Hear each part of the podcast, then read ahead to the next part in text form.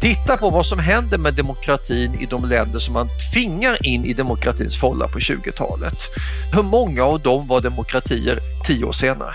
Alltså hela demokratikonceptet fallerar. Så alltså, att räkna upp felen i Versaillesfreden är väldigt lätt.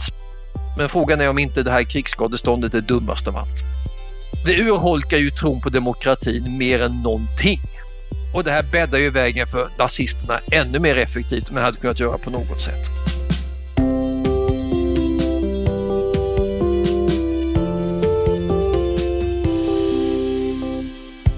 Våren 1919 var Paris världens huvudstad. Första världskriget var äntligen slut och nu samlades världens ledare för att skapa en ny världsordning. Kartorna skulle ritas om, segrarna skulle belönas och förlorarna skulle straffas. Woodrow Wilson, USAs president, kom dit med stora drömmar. Han hade dragit upp 14 punkter som beskrev hur en rättvis värld skulle se ut. För de krigströtta européerna var Wilson en symbol för hopp. Den gamla världsordningen som lett fram till katastrofen skulle ersättas av något nytt och annorlunda och 1920 fick Wilson Nobels fredspris för sina 14 punkter och särskilt punkten om ett nationernas förbund. Men freden efter första världskriget brukar inte beskrivas som någon succé, tvärtom. Varför misslyckades Wilsons idéer med att förändra världen? Du lyssnar på Idéer som förändrar världen, en podd från Nobelprismuseet med mig, Gustav Källstrand. Och den som ska berätta om Wilson, kriget och freden är historikern Dick Harrison som jag pratar med inför en publik på Nobelprismuseet den 11 november, årsdagen av vapenvilan. Kan vi inte börja den 11 november för 104 år sedan? Hur, hur var läget i Europa den dagen?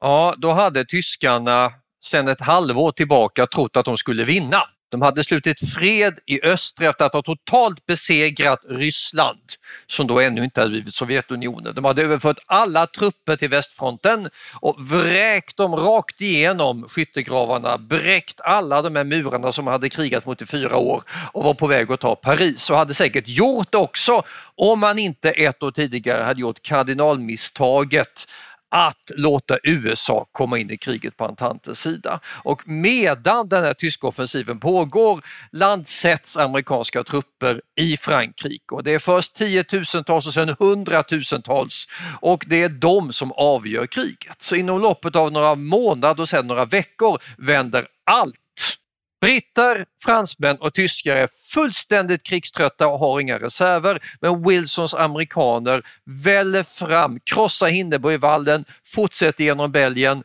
och då inser alla andra, inklusive tyska regeringen och tyska armén att det här går inte, vi slutar fred nu medan vi fortfarande har ett eget land som är orört av kriget. Och så ser det alltså ut. Hade det fortsatt så hade de fortsatt att välla in i själva Tyskland. Så det är en väldigt snabb, hastig krigskollaps som gör att det långt tidigare än någon hade trott man hade, inte ens amerikanerna hade trott det skulle bli fred då, man tänkte att vi tar en våroffensiv. Mm. Men just då kollapsar allting och vi talar om dagar då den ena regimen efter den andra faller. I Österrike-Ungern, i Turkiet, Osmanska riket och naturligtvis i Tyskland. Väldigt, väldigt hastig, snabbt radikal omvandling av allting.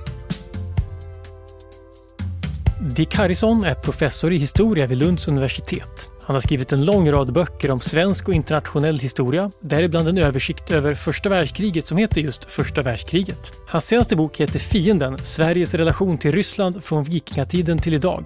Och vill man höra mer av honom så svarar han på lyssnarfrågor i podden Dick Harrison svarar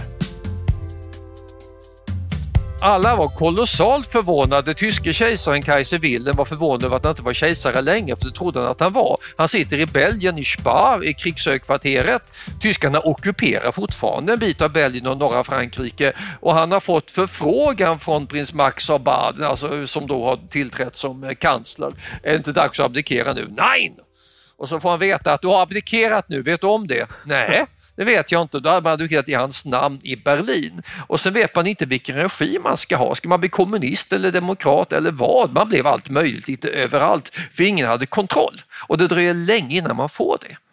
Allra mest överraskad är man borta i Ryssland när man tänker hoppsan, nu kan vi dra igång fas 3. Först fick vi stryk och sen så slut vi fred, nu börjar vi igen. Så samtidigt som man sluter vapenstillestånd och avslutar första världskriget i Västeuropa sparkade igång i rond 3 i Östeuropa och fortsätter sen i ytterligare tre år. Så kriget är inte slut kan man säga? Nix, vi ska inte fira det nu utan vi ska vänta tre år till och då ska vi ha någonting.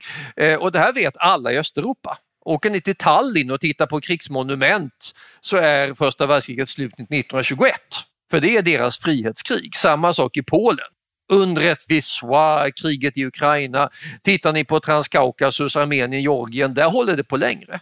Ukraina är ju självständigt och de måste kämpa för den självständigheten och förlorar och ser sitt land upp, uppdelat. Så där har vi alltså ett mycket stort, väldigt blodigt och tragiskt krig som i Baltikum, för att inte tala om i Finland, betraktas som frihetskrig. Det är del av första världskriget.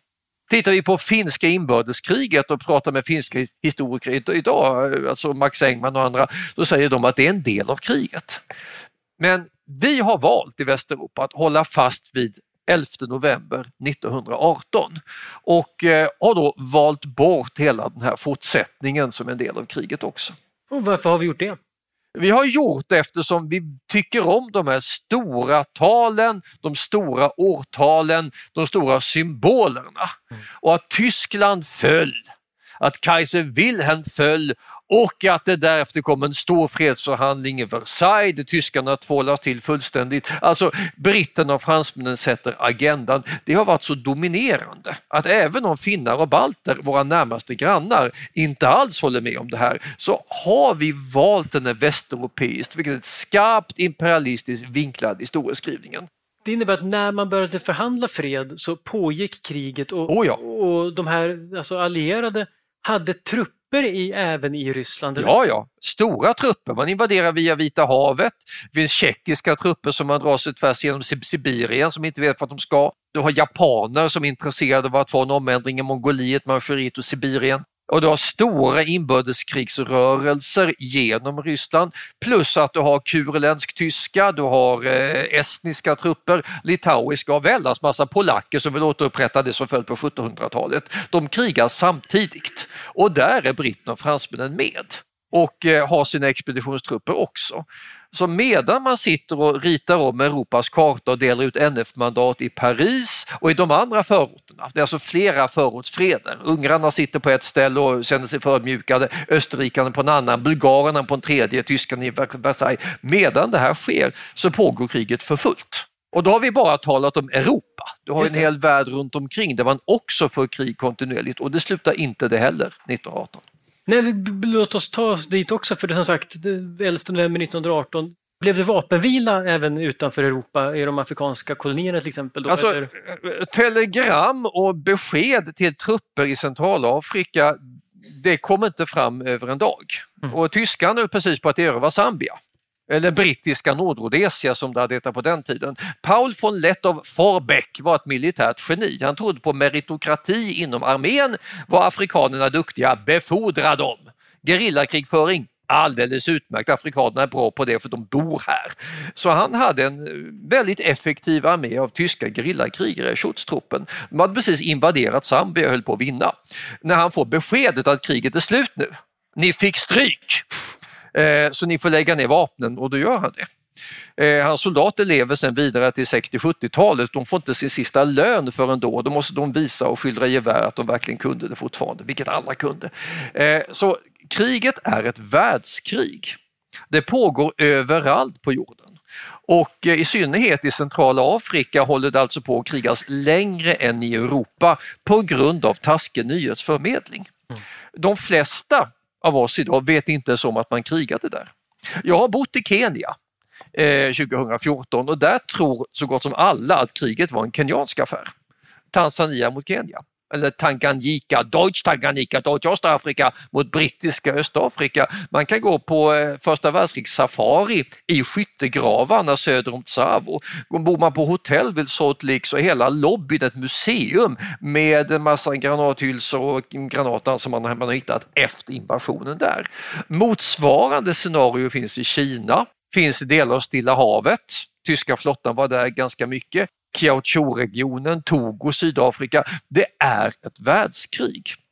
Så det, det vi har när vi tänker på första världskriget är en väldigt snäv vinklad bild som fick plats i våra historieböcker på 20-talet. Den bilden har dikterats av de segrande västmakterna.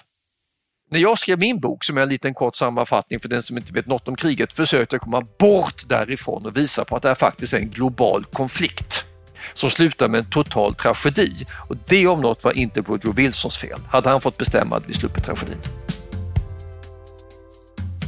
När Woodrow Wilson valdes till USAs president 1912 hade han en ganska kort politisk karriär bakom sig. Han kom från den akademiska världen och hade tidigare varit rektor för Princeton-universitetet. När första världskriget bröt ut, då var Wilsons mål att hålla USA utanför kriget och när han 1916 blev omvald var hans slogan just “He kept us out of the war”.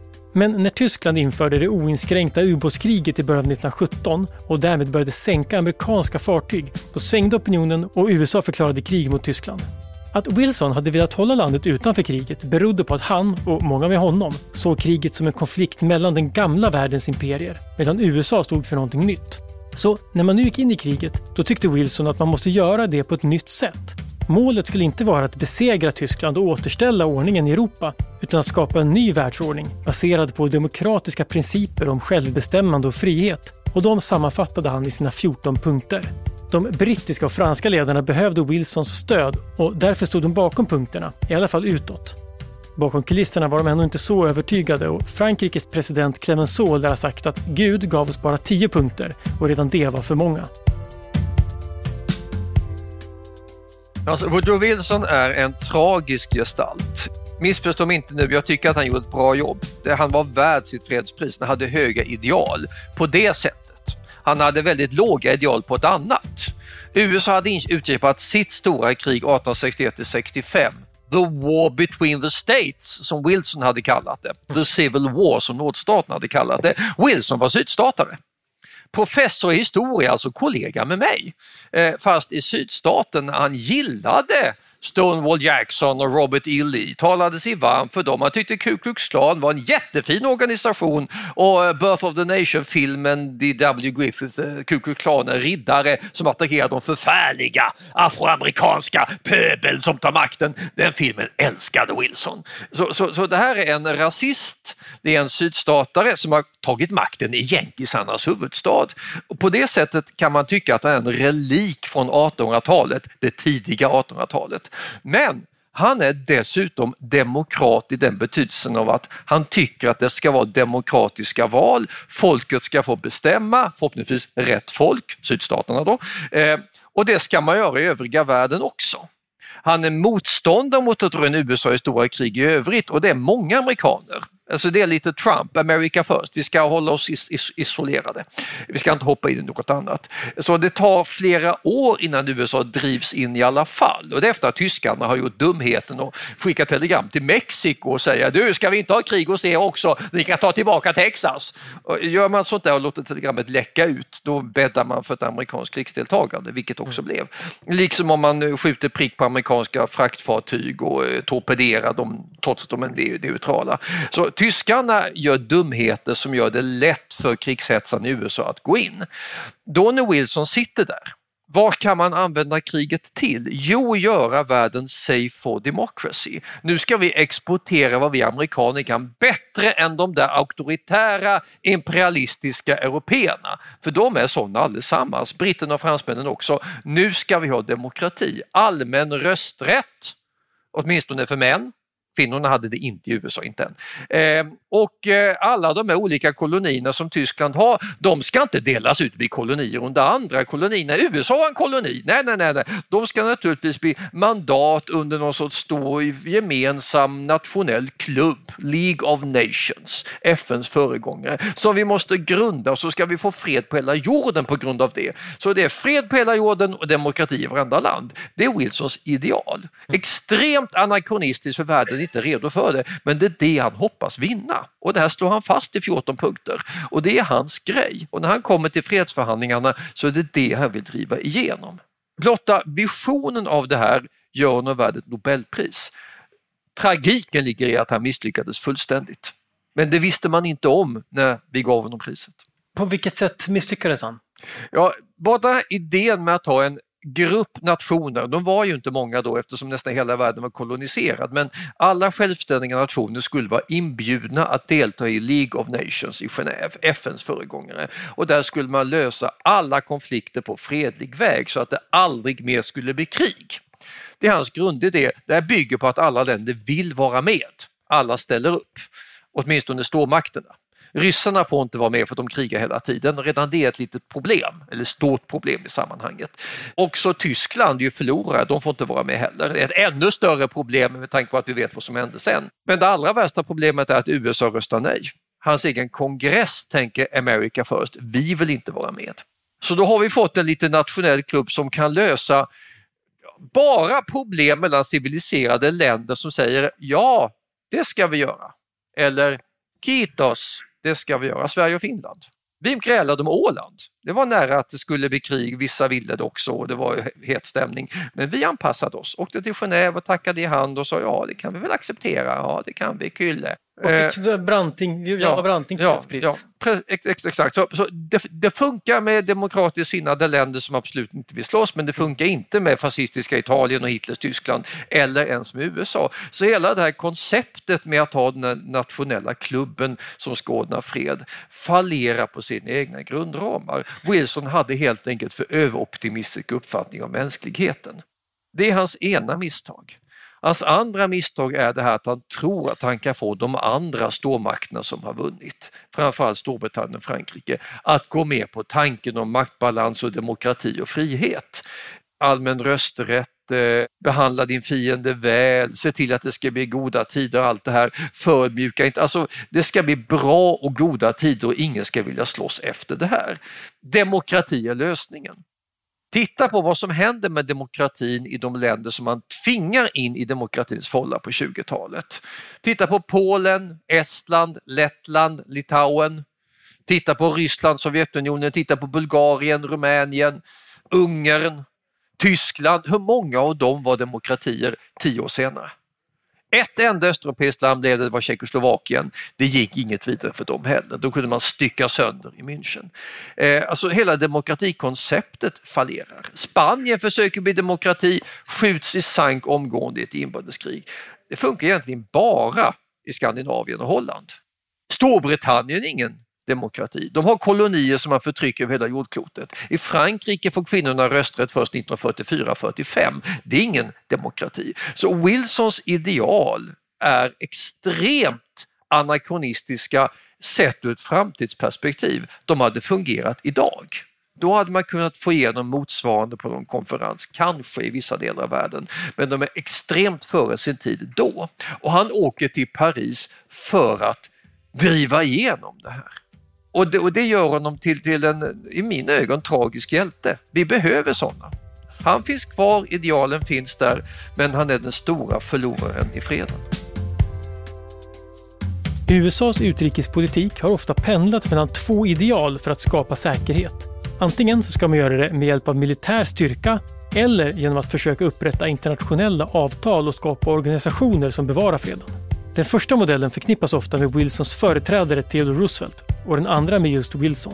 Att de två linjerna inte går att skilja helt, det syns redan i de här två presidenternas utrikespolitik. Roosevelt fick Nobels fredspris för att ha mäklat fred mellan Ryssland och Japan och Wilson var den som tog in USA i första världskriget.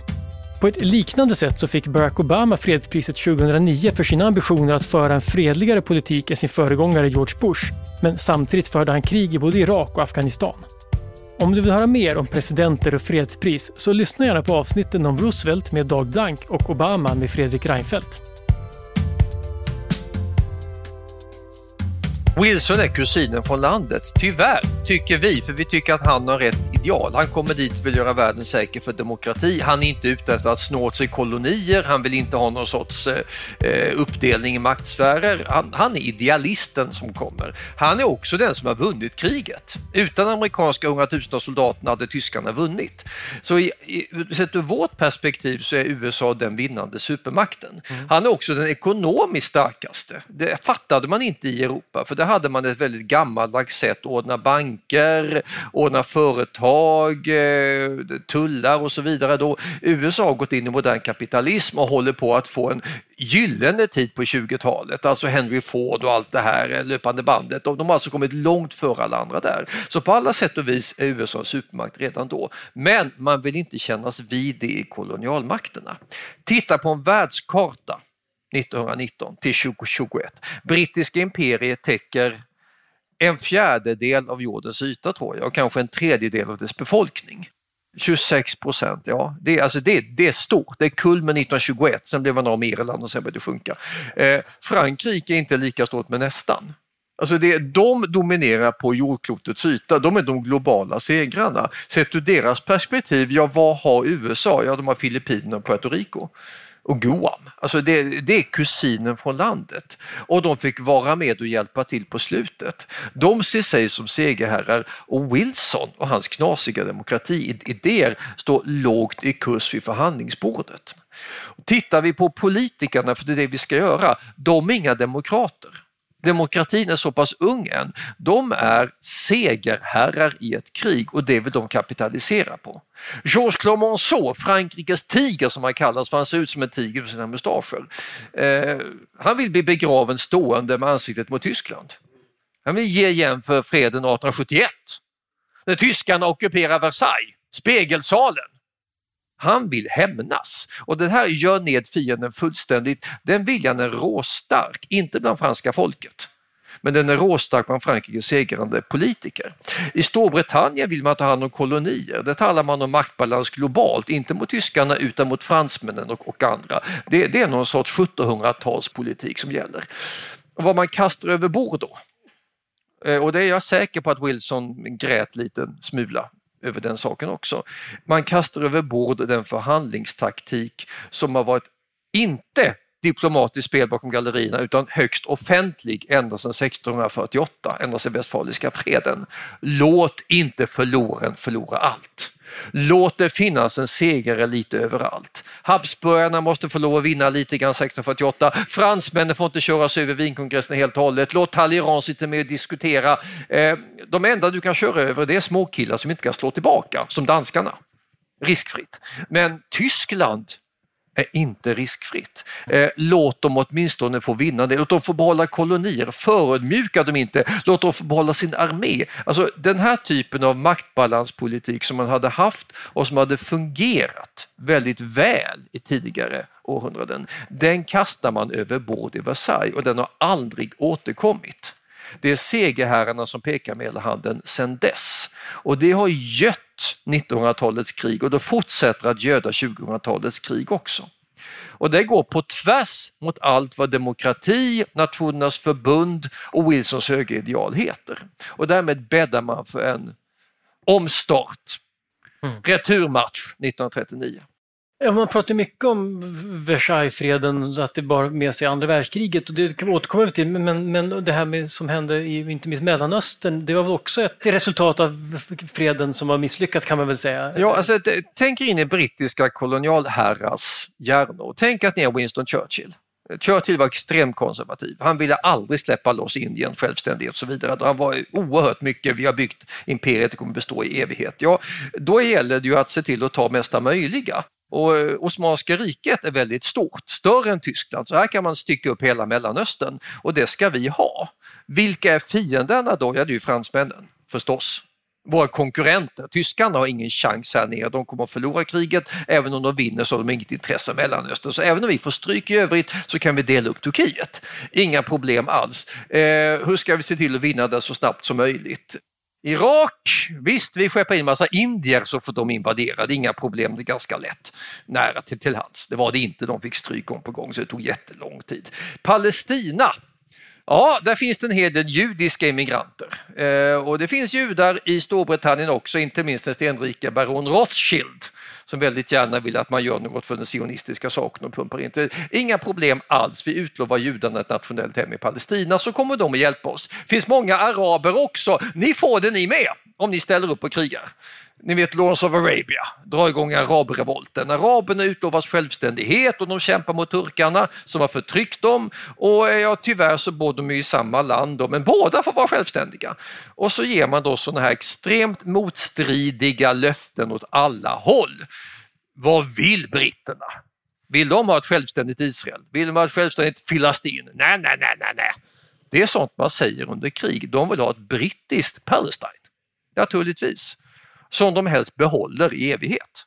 Man, man, man, tänker att imperiet håller på att utvecklas och så kan man sprida löften lite här och var. Man inser inte att lilla England och Skottland kommer inte att kunna ekonomiskt ha kvar de här kolonierna i evighet. Det kommer hålla några decennier vet vi, men det vet man inte då.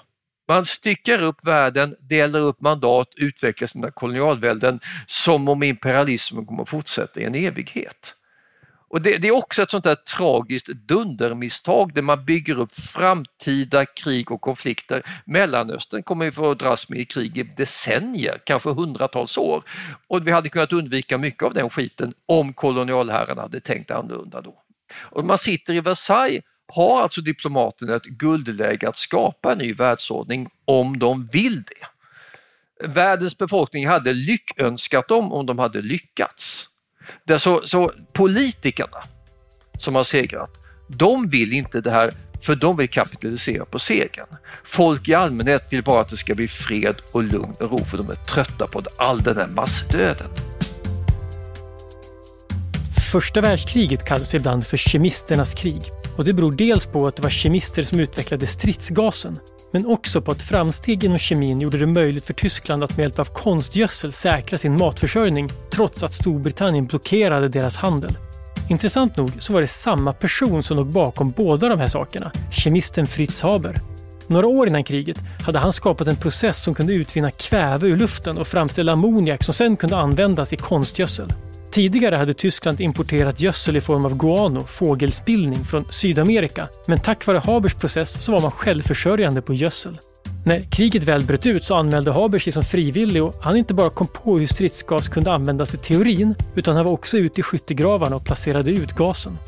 1919 så fick Haber Nobelpriset i kemi för sin metod för kvävefixering. Och det kritiserades hårt redan innan hans inblandning i gaskriget var känd just för att den här metoden hade förlängt kriget med flera år genom att hindra tyskarna från att svälta.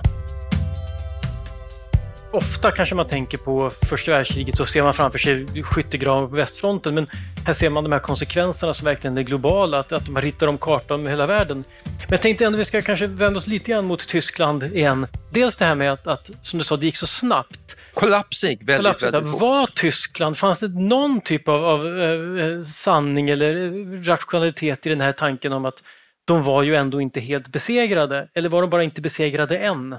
Ja, de var besegrade. Det, det här är ju en myt som föds i Hässleholm av alla platser närmare bestämt på Hässleholmsgården. Det sitter en man där direkt efter kriget. Han heter Erich Ludendorff. Han var i praktiken tysk militärdiktator sista krigsåret. Han är formellt underställd Kaiser Wilhelm och Paul von Hindenburg, men det är han som styr. Tyska krigsmaktens inofficiella ledare och övergeneral. Han sticker till Hässleholm med sin fru och bor där och skriver sina memoarer och kläcker ur sig idén om att tyska armén var obesegrad, men den fick en dolchstoss en dolkstöt i ryggen. Dolkstötslegenden, det är Hässleholms största bidrag till världshistorien skulle jag vilja hävda. Och den kommer sen nazisterna att använda hänsynslöst för de menar ju att det var judarna och bolsjevikerna som gav tyska armén en dolkstöt i ryggen och startade en revolution som gjorde att Tyskland kollapsade och armén lämnades där. Den segerrika armén lämnades där i Frankrike och Belgien stående utan en stat att kämpa för. Det är Ludendorffs idé.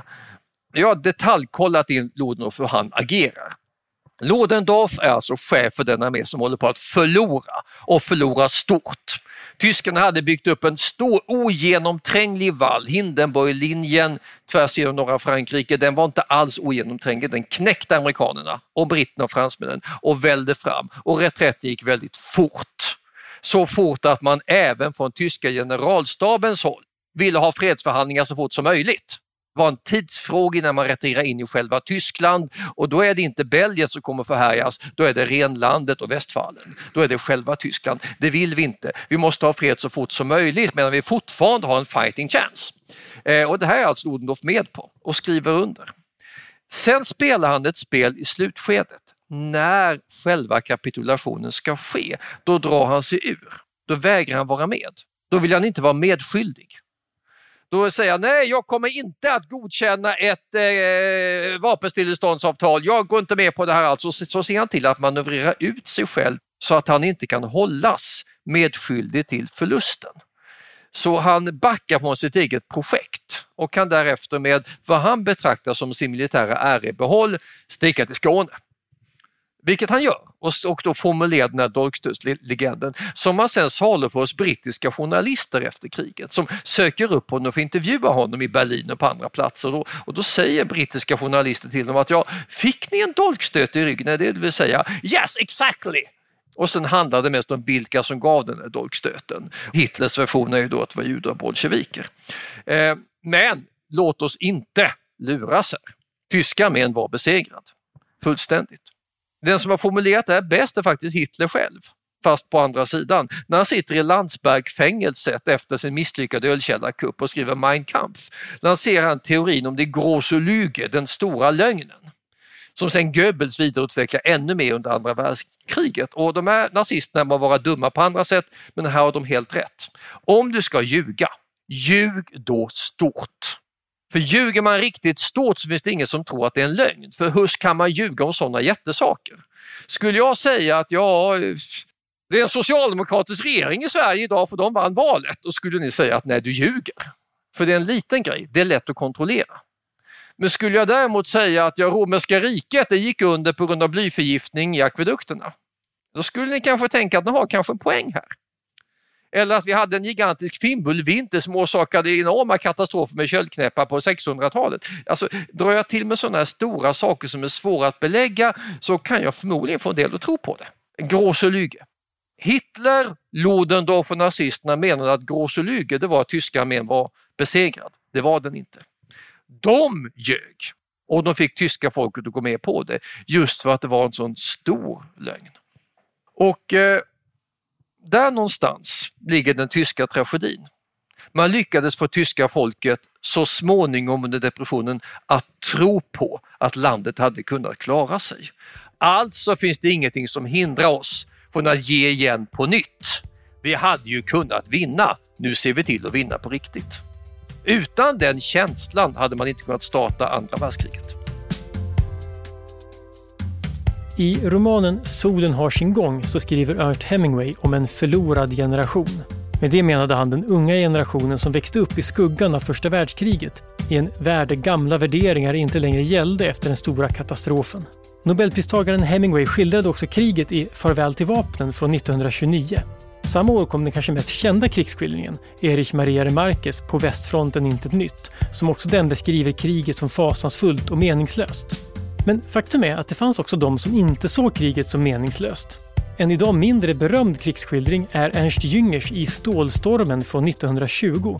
Den skildrar också kriget som grymt och våldsamt men Jünger beskriver också hur erfarenheten av kriget skapade en slags förhöjd upplevelse av verkligheten.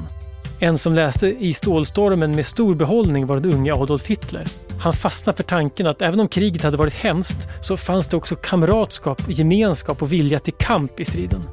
Under 20 och 30-talet försökte Hitler rekrytera Jünger till nazisterna men det misslyckades ordentligt. Jünger tog avstånd från nazismen men trots det blev hans böcker aldrig förbjudna av Hitler. De ekonomiska konsekvenserna. Som sagt, det var ju eh, USA var rikt och men samtidigt och Tyskland fattigt och Tyskland skulle få betala för sig. Det var också en del av freden. Vad, alltså, vad blev de ekonomiska konsekvenserna av Alltså det här krigsskadeståndet som Tyskland eh, åläggs är en av de största, mest bizarra paragraferna i världshistorien om fredsförhandlingar. För det första måste tyskarna erkänna att de var ensamt skyldiga till att kriget bröt ut. Det var de inte. Det är idag alla historiker i hela världen helt överens om. Det var en rent amoralisk pekpinne, nu ska ni erkänna att det var ert fel. Det är lätt att se hur första världskriget begynner. Tyskarna är en av flera medspelare, de är inte huvudskyldiga. Skulle jag peka på huvudskyldiga hade jag sagt österrikiska utrikesministern tätt följd av den ryske krigsministern. Deras agerande triggar fram en stämning. Men tyskarna var en av flera medskyldiga, de var inte ensamt skyldiga.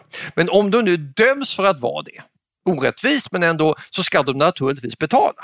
Då är det de som ska betala ett krigsskadestånd och då sätter man den summan på en sån nivå att det finns ingen tysk i världen som ens kan visualisera att det här är möjligt. Det får vara avbetalningar i 10-15 år och då måste man verkligen länsa Tyskland på allting. Sverige har haft en sån katastrof en gång. Det är freden i Knäret 1613, Älvsborgs andra lösen. En miljon tyska rikstaler skulle vi betala under loppet av 6-7 år. Det gjorde vi länsade hela staten, grundade nya städer för att stoppa in fogdar för att kunna hitta folk som skulle betala, eh, belånade enorma mängder från Nederländerna, kungen fick skänka hela sitt båtsilver. Det gick, men det krossade nästan vår nation. Mm tyska krigsskadeståndet på 20-talet var oändligt mycket större och gick inte att betala. Vilket man rimligtvis måste ha fattat i Frankrike. Och man hade ingenting emot att det inte gick. För då kan man gå in och ockupera Ruhrområdet och casha in det här direkt från fabrikerna och förmjuka tyskarna ännu mycket mer. Lösningen är naturligtvis att tyskarna får ta lån. Och det, alltså, det slutar med att amerikanerna måste in och stödlåna och hjälpa dem den vägen eftersom det inte går. Och de, de, konsekvenser hela den här ekonomiska ribban får med alltså franska ockupanter i området för Tyskland, det leder ju till den största inflationen i Västeuropas historia. Man masstrycker sedlar för att hjälpa till, vilket leder till att alla tyskar med besparingar blir ruinerade inom loppet av några månader. Och det urholkar ju tron på demokratin mer än någonting. Om den regering du har valt ser till att du blir utfattig, då är det inte mycket till regering. Och det här bäddar ju vägen för nazisterna ännu mer effektivt än man hade kunnat göra på något sätt. Så alltså, att räkna upp felen i Versaillesfreden är väldigt lätt, men frågan är om inte det här krigsskadeståndet är dummast av allt. Det här med ekonomin leder också in att den misslyckade freden, eh, hur påverkade det freden efter andra världskriget? Lärde man sig, tror du, läxan efter det att, att eh, freden efter andra världskriget, var den då bättre Ja, man, man lär sig, eller man tror att man lär sig rättare sagt. Man lär sig inte min huvudpoäng, återgå till västfaliska freden och Wienkongressen. Maktbalans, förödmjuka inte fienden, det lär man sig inte. Utan det är enda, hela vägen sedan Versailles har segerherren pekat med hela handen. Det är ingen skillnad, så där lär man sig ingenting alls. Men man tror att man lär sig någonting när det gäller eh, samarbete och demokrati. Man tror att man lär sig att man ska eh, förstärka, League of Nations funkar inte, man skapar FN istället och så tror man att det ska bli en starkare, bättre organisation för kollektiv säkerhet. Det tror man sig ha lärt sig någorlunda.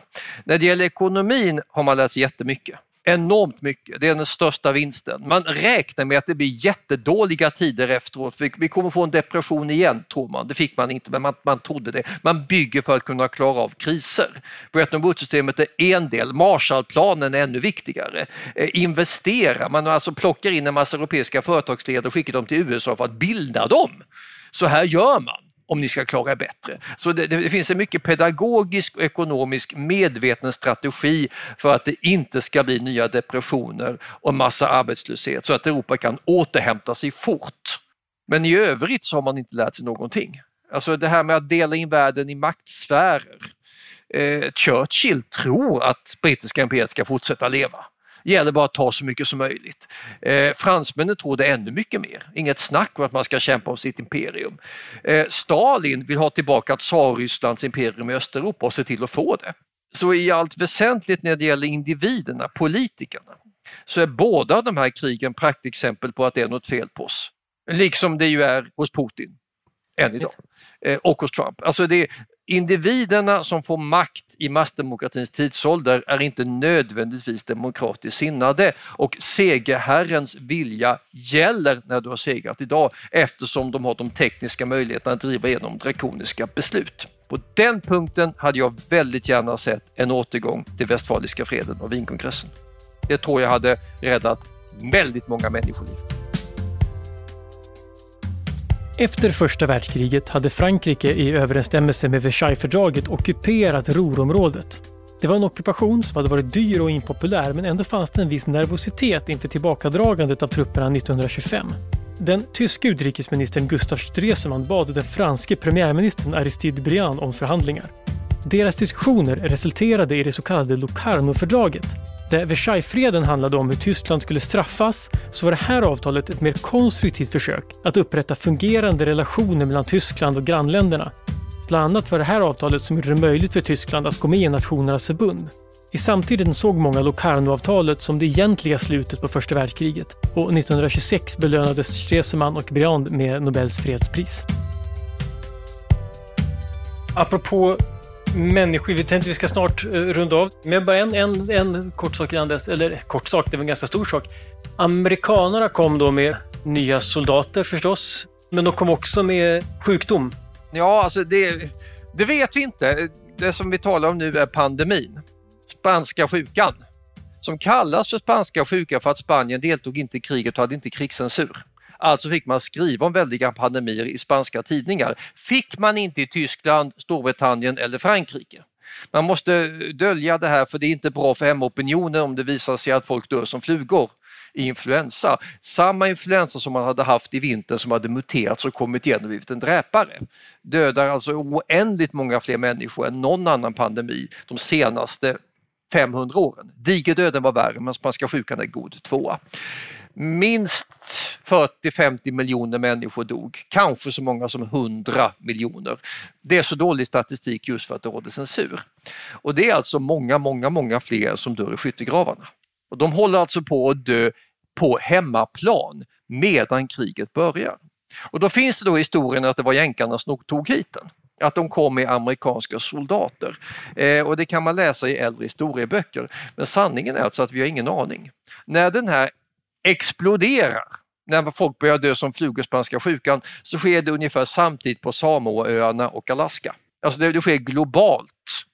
Och spridningshastigheten är inte så snabb att man på några veckor kan ha spritt den över, över, överallt utan troligen så har den i en första fas då har det blivit influensa lite överallt och sen när mutationerna sker, ja då sker de lite överallt samtidigt. Det tycks vara så, men spridningsvägarna kommer vi inte åt just för att det råder krigstida censur. Det intressanta är också att när man, ska, när man väl börjar skriva om den då föds genast idén att det här måste ju vara planerat. Det är klart att det är biologisk krigföring. Det är klart att det är något labb någonstans som man sitter och plockar fram det här för att kunna vinna. Och så har man någon sorts konspirationsteori om att spanska sjukan var ett led i kriget från någon sida. Alla skyller på varandra förstås. Och de här konspirationsteorierna, de har vi ju sett senare också. Eh, och på den punkten är det definitivt inget nytt i historien och vi lär oss ingenting av föregångarnas dumheter. Och det var inte sant naturligtvis? Eller? Mm. Att det var... men, men spelade spanska sjukan, förutom att många dog, spelade det någon som helst roll på att, att kriget, ja, men det drabbade alla lika mycket, men spelade det roll för alla. att men spelar det en roll för att kriget tog slut fortare? Kan det ha påverkat? Att... Nej, det tror jag inte. Alltså, människan som krigförande var, varelse har en tendens att strunta i sådana här katastrofer och sätta sig över dem när krig pågår. Och det har vi tyvärr massor av erfarenheter av. När väl kriget drar igång då kan människan ta väldigt mycket. Stora nordiska kriget dödar hälften av den vuxna svenska och finska manliga befolkningen och trots det håller det på och slutar mest för att kungen dör spanska sjukan drabbar ett värld som redan har fått 10-15 miljoner döda i kriget och som hade kunnat fortsätta ännu mer om inte amerikanerna hade hoppat in och vunnit. Så det, låt mig säga så här, det borde ha påverkat. Det borde ha varit en enorm piska att skapa fred och ordna fram sjukvård. Men människan är inte riktigt klok. Vi ger oss in i vansinniga krigsscenarier vi drar inte i bromsen när vi borde ha gjort det. Det var en slump att Sverige inte kom med i första världskriget. Ryssarna hade skickat krigsfartyg för att bomba Gotland. De trodde vi skulle gå in på Tysklands sida. Det var kontraorder halvvägs över Östersjön. Annars hade vi kommit med också. Alltså folk gör knasiga grejer. Och hela det här krigsvansinnet som man är medveten om går det inte att dra i bromsen för. Att folk sen börjar massdö i en superpandemi, ja vad gör myndigheter och journalister då? Ja i samfällt nit förbjuder man journalister att skriva om det, vilket journalisterna lyder. Alltså stora läxan här är att vi bör se upp med oss själva. Mm. Vi är farliga flockdjur. Och eh, där bör vi börja med att titta, är vi redo för demokrati idag? Kan vi hantera en sån här situation igen? Vi är inte vaccinerade för att vara fredliga i all evighet. Vi bör vara försiktiga. Första världskriget är ett skrämmande exempel på vad vi är kapabla till att göra. Gör bara inte om det igen. Nej, det låter så. Det är en bra, bra varning. Jajamän. Tack så hemskt mycket Dick för att du kom hit och berättade. Det var otroligt intressant. Tack så mycket. Idéer som förändrar världen är slut för den här gången. Den här podden görs av Nobelprismuseet. Vi finns på Stortorget i Gamla stan. Information om museets utställningar och öppettider finns på museets hemsida nobelprismuseum.se. Du kan förstås också följa oss på Facebook och Instagram. Och vill du veta mer om Nobelpristagarna och deras arbete så gå gärna till Nobelprisets hemsida nobelprice.org. Och ett stort tack till Nibe Group, EF Education First, Knut och Alice Wallenbergs stiftelse och familjen Erling Perssons stiftelse som möjliggör Nobelprismuseets verksamhet. Idéer som förändrar världen görs i samarbete med produktionsbolaget Filt, producent är Andreas Wiklund och jag heter Gustav Källstrand. Vi är snart tillbaka med nya intressanta samtal.